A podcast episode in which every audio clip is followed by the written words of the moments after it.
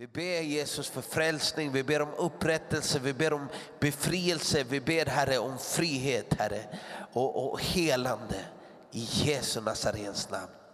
Amen. Det var ju fantastiskt. Tack så mycket.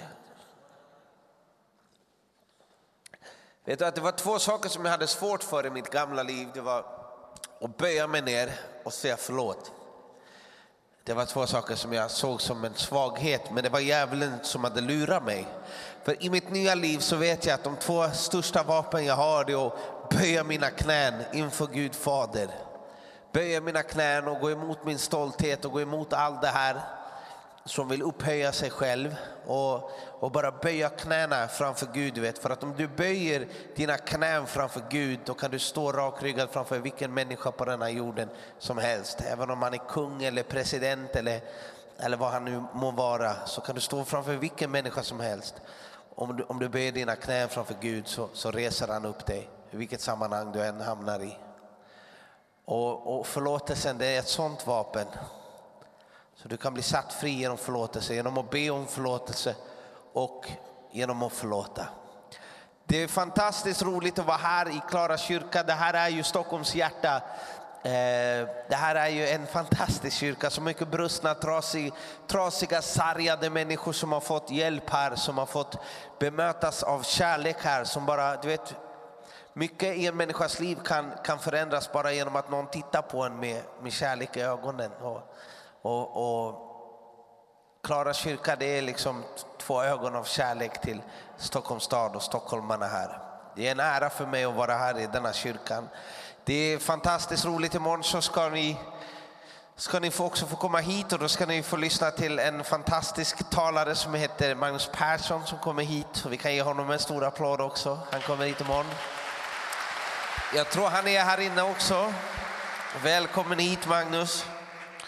Och eh, tack för att ni bjöd hit mig. Och nu hoppas jag att jag gör så att, ni, så att jag blir välkommen tillbaka. Vi får se om en, vi, vi har svaret inom en halvtimme. Vi lever i en stad med mycket mörker, vi lever i ett land med mycket mörker. Det är mycket fruktan, det är mycket hopplöshet. Socialstyrelsen släppte en rapport där, där som visade att den psykiska ohälsan bland unga människor har ökat 100 procent de senaste tio åren. Då har de tagit de här ledande människorna, ledande socionomerna, ledande professorerna, ledande inom alla de här områdena, Socialstyrelsen och allihopa, så har de suttit ner och så har de forskat tillsammans med samhällsforskarna, tillsammans med de här som kan tyda tidens tecken och suttit och gjort de har kommit fram till en sak det här är Socialstyrelsens rapport att det kommer inte bli bättre inom den närmsta framtiden. Vilket budskap! Eller hur? Det kommer inte bli bättre inom den närmsta framtiden. Och det är liksom så jag är väldigt glad att jag är här inne och jag har inte min tro till, till dem. Jag har inte satt mitt hopp till, till vad de säger, till Socialstyrelsen. Jag har inte satt min hopp och min tro till vad, vad politikerna säger eller vad någon människa säger. Utan jag har satt min tro och mitt hopp till Jesus Kristus. Och det, är, det är ankaret, det är hoppet, det är klippan som vi som har har trasiga människoliv. Vi är trasiga människor, vi lever trasiga liv, men vi har en fast klippa, en fast grundval som vi kan sätta våra fötter på och där vi kan resa oss och där vi kan ställa oss. Vi har en källa där vi kan hämta kraft. Innan i mitt liv så, så, så hade jag inte de här vapnen. Jag hade inte Guds ord, jag hade inte förlåtelsen, jag hade inte friheten, jag hade ingenting. Vi hade stred med helt andra vapen, eller hur Bets? Det var andra vapen på den tiden. Nu sitter vi här, nu har vi nya vapen. De här vapnen de är bättre.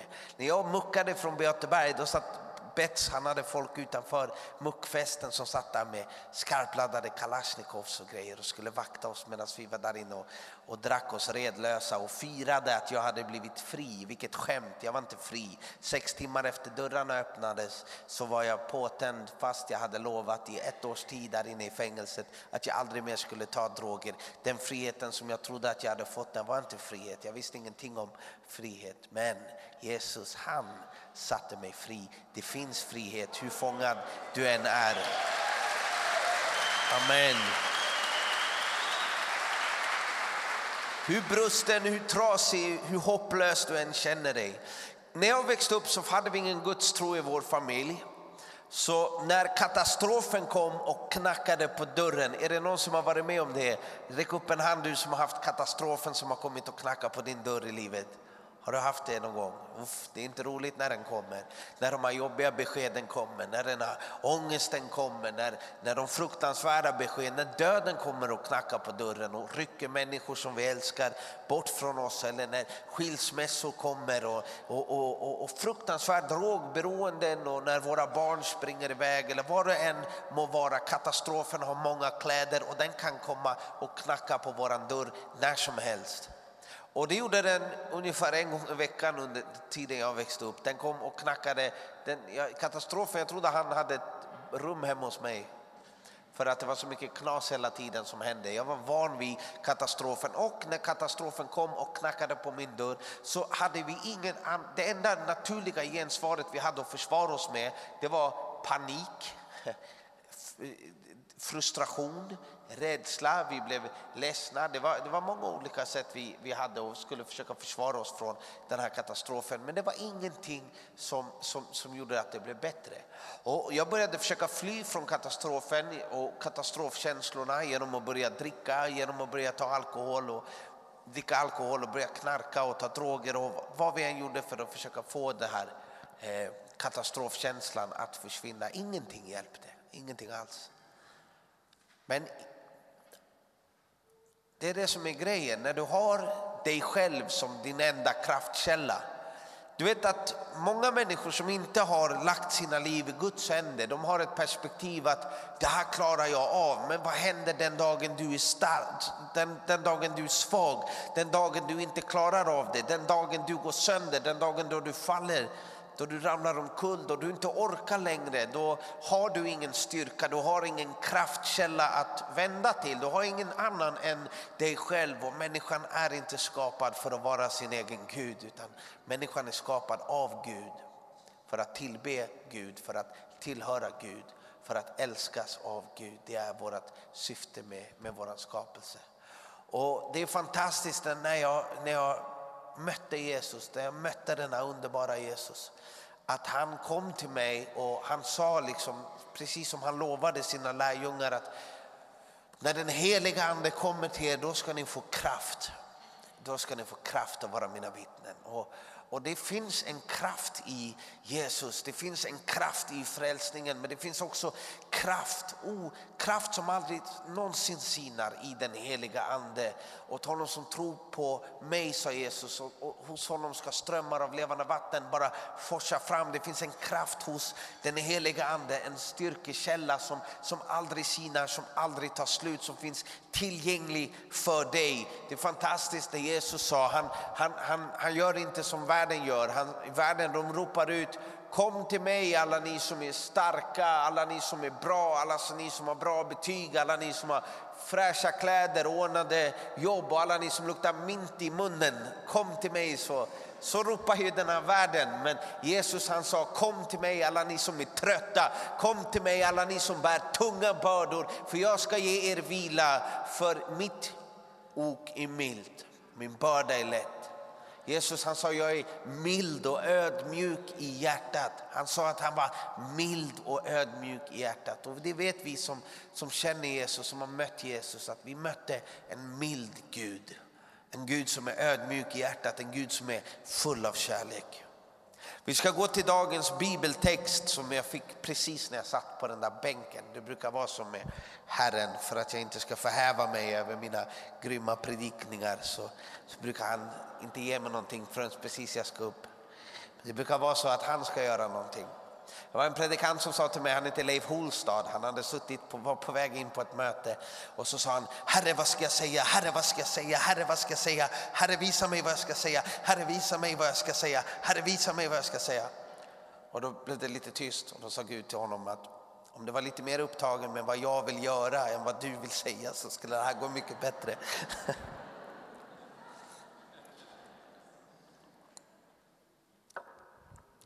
Vi ska läsa från Markus 5. Om du har en bibel så kan du öppna upp.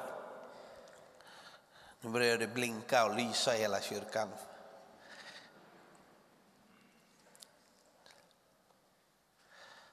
Så står det, så kom det över till...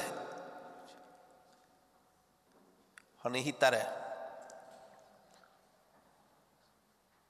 Så kom det över till Eresenas område på andra sidan sjön. När Jesus steg ut båten så kom en man emot honom från gravarna.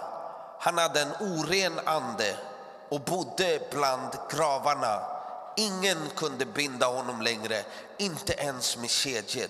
Flera gånger hade han blivit bunden med fotbojor och kedjor men han hade slitit av kedjorna och brutit sönder bojorna. Ingen var stark nog att rå på honom. Ständigt, natt och dag höll han till bland gravarna och uppe i bergen och skrek och sargade sig själv med stenar. Vilken fruktansvärd text.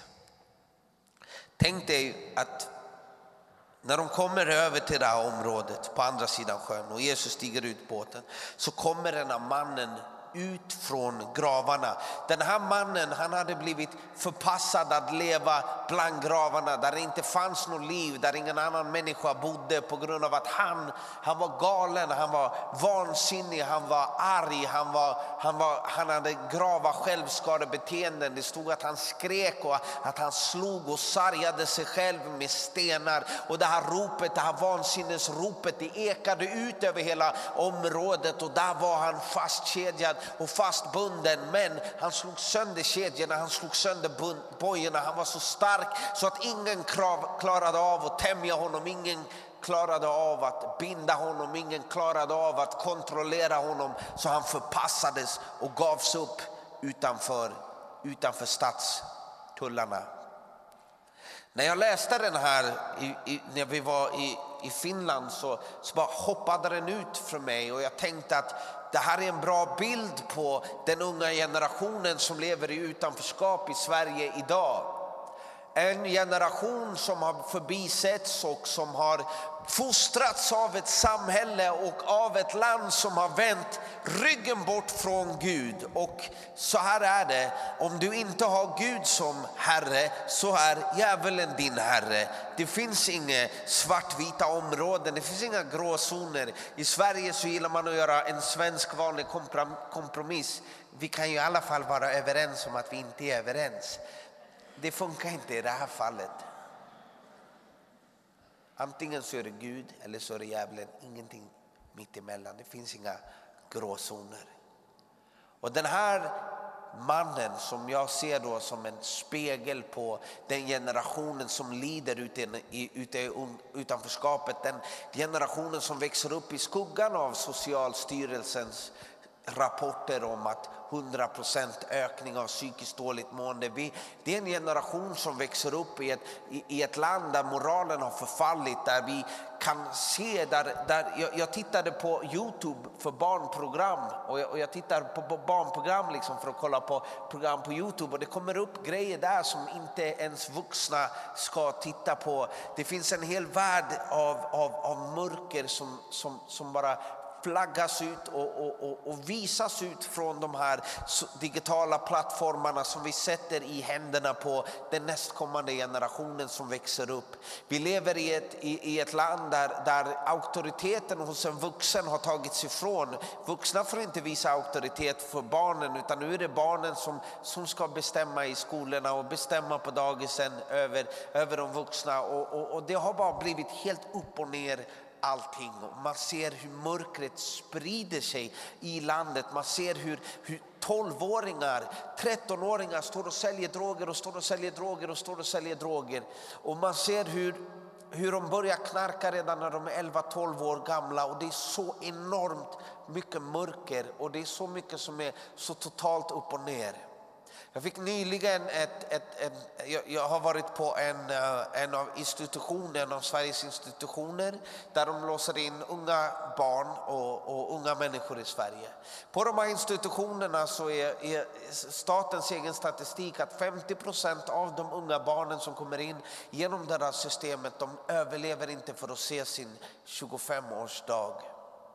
Och på de platserna, på de mest mörka platserna, där har jag varit och, och predikat evangeliet och, och, fått be med människor, till, till, till unga människor och, och få leda dem till en tro på Jesus. Och de har direkt, många av dem har funnit ett hopp som de har letat efter hela sitt liv. Många unga människor som aldrig någonsin har känt sig älskade har plötsligt fått möta kärleken hos Jesus Kristus och blivit förvandlade. Men det finns en, en, en stark stark, stark, ett starkt motstånd mot att, att predika om Jesus Kristus. Det är liksom inte okej okay i Sverige 2019 att predika om, om, om, Jesus Kristus. På, på många platser så finns det ett enormt motstånd. Men att, att barnen faller sönder och dör där ute, det är tydligen helt okej. Okay. Men, men att prata om Jesus Kristus, det är inte alls okej. Okay. Och jag tänker på det, den här mannen som satt bojad och, och den här generationen som de har försökt sätta bojor och kedjor och försökt styra. Till slut så har det inte funkat. Det är en, även en bra bild på, på Sveriges miljonprogram och, och på, på de ytterområdena som just nu är i tidningarna varje dag. Och, och det här är ingen politisk predikan utan det är bara en, en, en det är bara en, en bild och en spegelbild för att vi lever faktiskt i, i samhället. Så vi, vi, vi kan lika gärna prata om vad som händer där ute i samhället. Och jag såg de här sakerna hända i de här ytterområdena i många, många år. Och det är många av ni som har bott i ytterområdena, det här är inga nyheter. Jag var till exempel i, i, i Fittja, då kom jag dit och då hade de kommit på med, med en skoter, två stycken med en, en kalasjnikov och bara pa, pa, pa, pa, pa, pa sprayat ett, ett hyreshus med hur många... Eh, alltså, kulorna hade gått in i flera lägenheter och, och det var värsta kaoset. Och det var ju en fruktansvärd händelse. Men när jag kom dit så såg jag att dagen efter och dagen efter det att det stod ingenting om det här i tidningen. Det hade inte ens nämnts, inte ens en notis. Och då tänker jag, tänk om det hade varit i Danderyd till exempel och någon hade kommit och sprayat en villa i Danderyd. Då tror jag vi hade läst om det i tidningarna i flera veckor därefter. Så det visar att det finns en, en, en, en en, det, är inte, det är inte helt balanserat och det är inte helt lika för, för alla människorna här. Och därför så såg vi de här problemen som var i de här utanförskapsområdena. De såg vi sopas under mattan och vi ser problemen med de unga generationen som växer upp nu som får, som får lida, som, som blir utsatta av allt det här som de här digitala, vi har bara levt med de här digitala med, med iPhones och de här. Det, det har ju bara funnits i, i 10-15 år så vem vet om 10, alltså jag tror inte vi har sett skadeeffekten på det här men jag tror att det kan hänga ihop mycket med vad unga människor blir utsatta för och, och får se. Och de här, den här generationen som vi växer upp, det, det, det, den har blivit också förpassad ut bland gravområdena, bland, bland områdena där det inte finns något liv. Och där får man liksom leva och man får självskada sig själv. Och, där, och, man får, och vi hör när vi läser, varje dag vi läser tidningen, så hör vi och ser det här skriket från den här trasiga, sargade, bundna generationen bara eka ut över vårt land. Och det här skriket från den här generationen som, som går ut över Sverige, det skapar en massfruktan och det kan man också se att, att det blir människor hör det här skriket och, och oroar sig för den här mannen där vid gravarna. Han som slår sig med kedjor, han de har försökt binda fast, han de har försökt straffa, han de har försökt binda. Ingenting har funkat och de har passat honom till gravarna. Ingenting hjälpte. Och människorna i staden drabbades av fruktan och undvek att komma nära den här mannen som bara slog sig själv. Den mannen som var full av demoner. Allt man såg bara att det där är ont, det där är läskigt. Jag vill inte ha någonting med det där att göra. Man höll sig borta. Men nu fick den där mannen se Jesus på långt håll. Och han kom springandes och föll ner för honom och skrek högt. Vad har du med mig att göra? Jesus, den högsta Gudens son. Lova mig inför Gud att du inte plågar mig. Och Jesus hade nämligen just sagt till honom, du orena ande, far ut ur mannen. Och nu frågade han honom, vad är ditt namn? Och mannen svarade, mitt namn är legion, för vi är många. Och han bad gång på gång att Jesus inte skulle driva bort dem från området. Och där gick en stor svinjord och betade vid berget. Andarna bad honom skicka oss in i svinen så vi kan fara in i dem. Och det tillät han. De orena andarna for ut ur mannen och in i svinen och jorden rusade ut för branten ner i sjön. Det var omkring 2000 svin som drunknade i sjön. De som vaktade dem flydde och berättade det i staden och ute på landet och man gick för att se vad som hade hänt. Och när de kom till Jesus och såg den besatte som hade haft legionen sitta där klädd och vid sina sinnen blev de rädda. De som var ögonvittnen berättade för folket vad som hade hänt med den besatta mannen och med svinen. Då bad de att Jesus skulle lämna området. Tänk det här scenariot bara. Att det som var så läskigt och det som var så fruktat och det alla var så rädda för och det som alla skulle prata om. Hur ska vi hantera det här problemet? Hur ska vi hantera det där problemet? Man bara sköt det där problemet bort och bara förpassade det där problemet bort till gravarna. Det var någon som sa till mig också att, att att låt, Jesus har låtit barnen komma till mig och jag tycker om Klara kyrka för det är en församling som rör på sig, det finns liv här. Det var någon som sa att det, det är lätt att hålla ordning på en kyrkogård, det är svårare att ha ordning på ett BB. Men tänk den här situationen med den här mannen och när Jesus kommer in i bilden. Jag bara tänker på det, att det finns ett sånt fruktansvärt motstånd för, för, mot, mot, mot kristendomen, mot, mot, Bib, mot Bibeln som Guds ord, mot att predika och tala om Jesus. Det finns ett enormt motstånd ute i landet. Jag möter det hela tiden. Du får inte tala om Jesus. Du får komma hit och får inte prata om Jesus. Jag tänker varför inte? Varför inte? Det är kanske bra att man är lite rebellisk ibland för jag brukar inte klara av att låta bli. Jag brukar prata om Jesus ändå, för det var han som satte mig fri. Det är han som ska vara äran. Jag älskar att komma hit i kyrkan. Den bästa delen för mig i den här gudstjänsten, det var när jag får stå nere med alla andra och bara lyfta händerna och prisa honom som allting handlar om. Det är han det handlar om.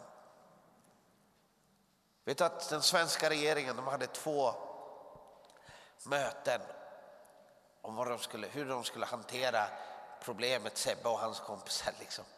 Två gånger samlades de, liksom. Reinfeldt och grabbarna. Och bara, Vad ska vi göra? Jag vet inte om de sa så, men de, jag vet att de samlades två gånger och, och, och pratade om hur de skulle hantera det här problemet. Jag tror att de också kände, som många andra, att när det här skriket gick ut från de här miljonprogrammen och när de såg bilarna brinna, när de såg de där vapnen på Youtube och när de såg när de såg det här mörkret som, som manifesterade sig och rörde sig i de här ytterområdena, då fruktade de som bodde inne i staden, de som var insläppta, de som var välkomna, de, de fruktade och de hanterade det här problemet med rädsla, de hanterade det med fruktan och de skickade polisen att cirkulera runt oss liksom och försöka hålla koll på oss. Det var, det var så de försökte hantera och vi blev inte bättre än det. De, de satte på oss handfängsel, de band oss, kastade in oss i finkan och försökte straffa bort det här trasiga hjärtat. Det går inte att straffa bort någon som redan... Det är svårt att straffa någon som varje dag vill straffa sig själv på grund av att man hatar sig själv, på grund av att man inte tycker om sig själv, på grund av att man gick sönder när man var ett litet barn, som en, en, en litet brustet barn med ett brustet hjärta, en brusten stad. Det är svårt att hantera med och straffa bort hårdare tag. Det, det funkar liksom inte. Vi blir bara hårdare av hårdare tag, mycket hårdare. Murarna runt hjärtat bara fortsätter växa och man blir bara hårdare och hårdare och hårdare. Men sen kom Jesus in och det är så häftigt i den här historien att, att en hel stad har försökt kontrollera och binda och boja den här mannen och ingen har lyckats. Alla har liksom flytt honom och lämnat honom vid gravstenarna.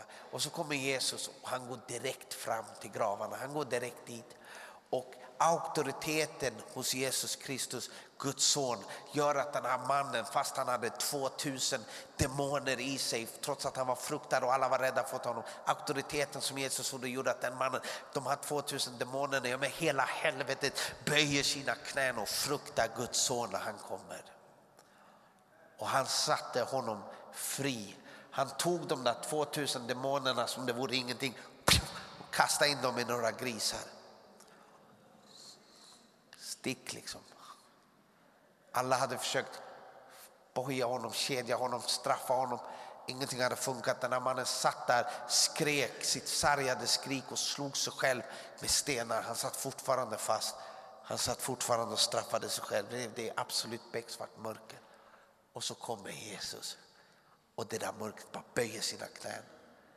Vilken auktoritet det finns i namnet Jesus.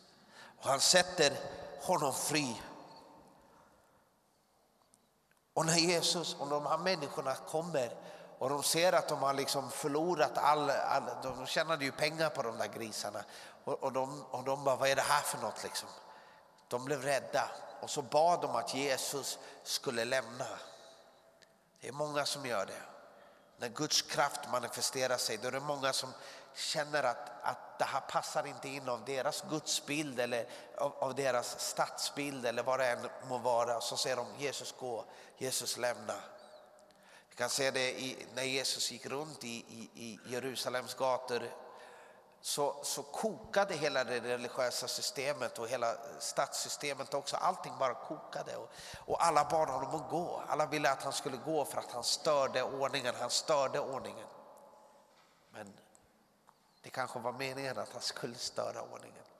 Det kanske är meningen att han ska störa ordningen i Sverige idag. Det kanske är meningen att en generation, en ung generation, en generation av de som har varit trasiga, av de som har varit fångna, av de som har varit bundna, de som har fått möta frälsaren från Nasaret som har satt dem fria. Kanske ett rop, ett nytt rop ska eka från dessa ytterområdena, kanske ett jubelrop, kanske ett skrik som säger han satte mig fri, han gjorde mig fri, jag har mött Jesus, han la sin hand på mitt smutsiga ansikte, jag mötte, jag blev helad, han helade mig, han, tog, han lagade mitt trasiga hjärta, han, han, han återförenade mig med min mamma, han försonade min familj, han löste mig från mitt alkoholmissbruk, han löste mig från drogerna, han satte mig fri. Jag tror att ett nytt rop kommer höras och eka över det här landet. Precis som ni gjorde 1840 så ska det ske igen, men det här ropet kommer vara ännu starkare.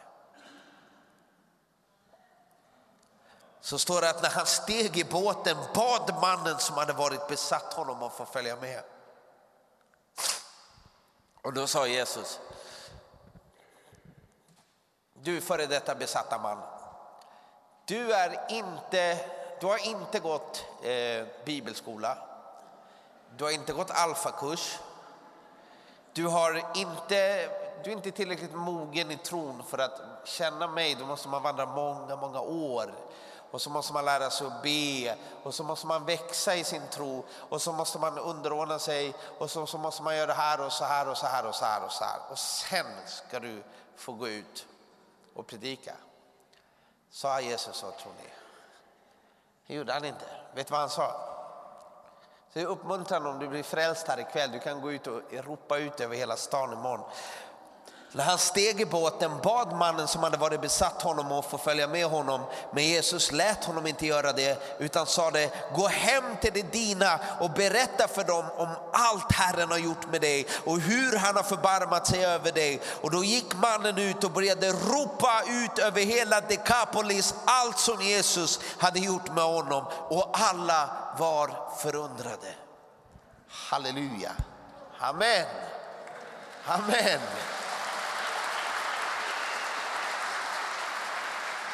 Och Dekapolis, det var liksom tio eh, städer, grekisktalande städer. Så han fick ju värsta uppdraget direkt liksom. Och nu säger inte jag att det är fel att gå bibelskola. Jag rekommenderar bibelskola till alla, alfakurser till alla. Det är det absolut bästa man kan göra.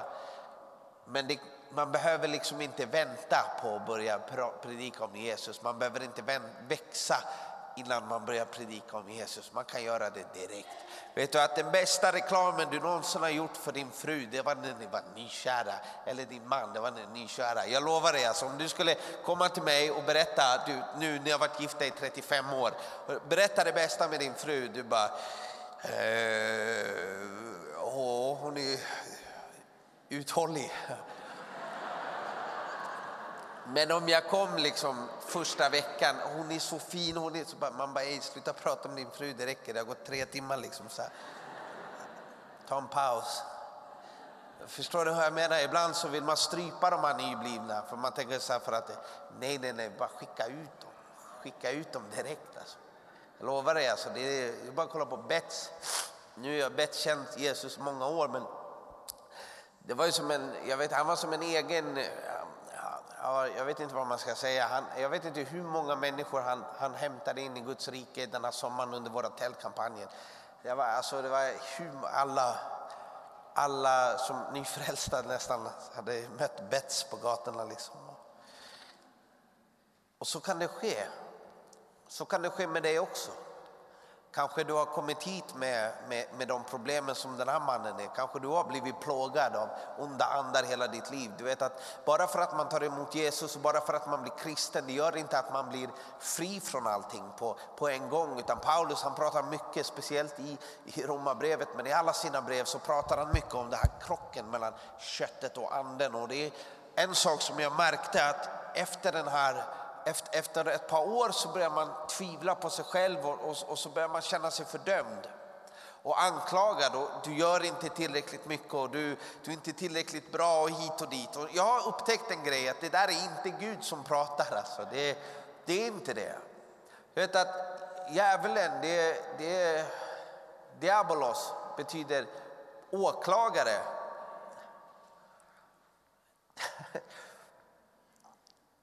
anklagare. Kanske du har kommit in i den här kyrkan och du har blivit så anklagad att du inte duger.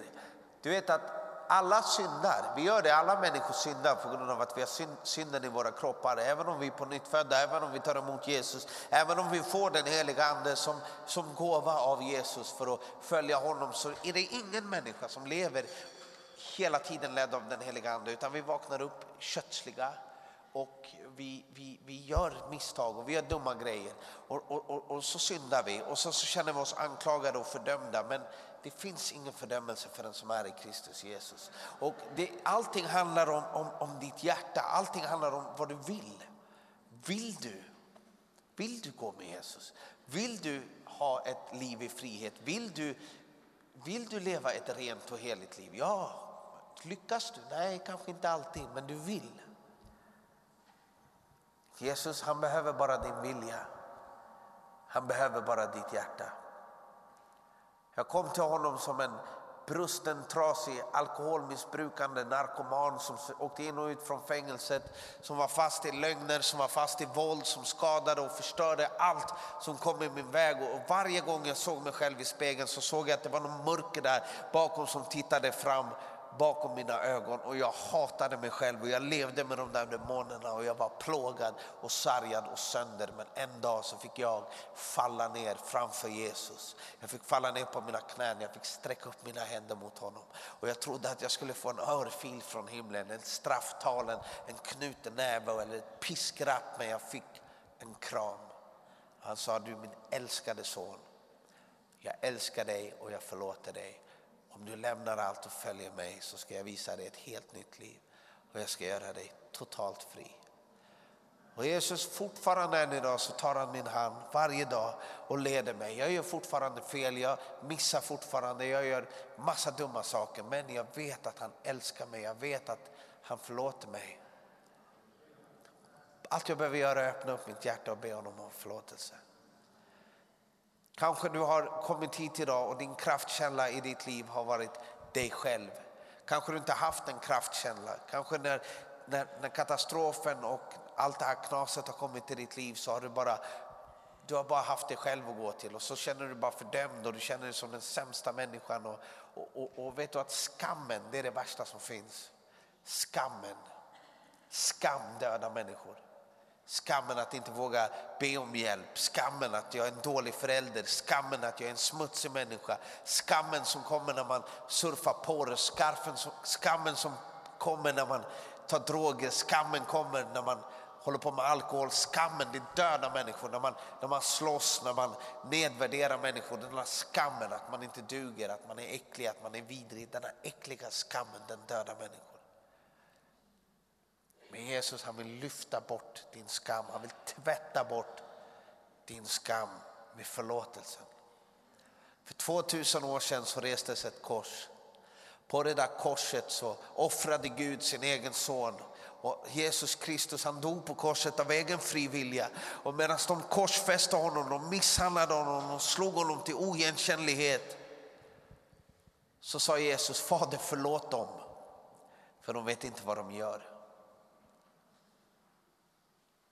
Och sen så hängde han på det där korset. Han dog på det där korset. Han la sig i en rik mans grav. Och på den tredje dagen så återuppstod han och då hade han besegrat helvetet. Han hade besegrat mörkret. Han hade vunnit all makt. Han återuppstod. Han lever. Han lever idag. Han finns här idag för dig. Och om han förlät dem som spikade han på det där korset. Så vad har du gjort i ditt liv som gör att han inte skulle kunna förlåta dig. Jesus älskar dig. Han älskar dig. Det finns frihet i hans namn.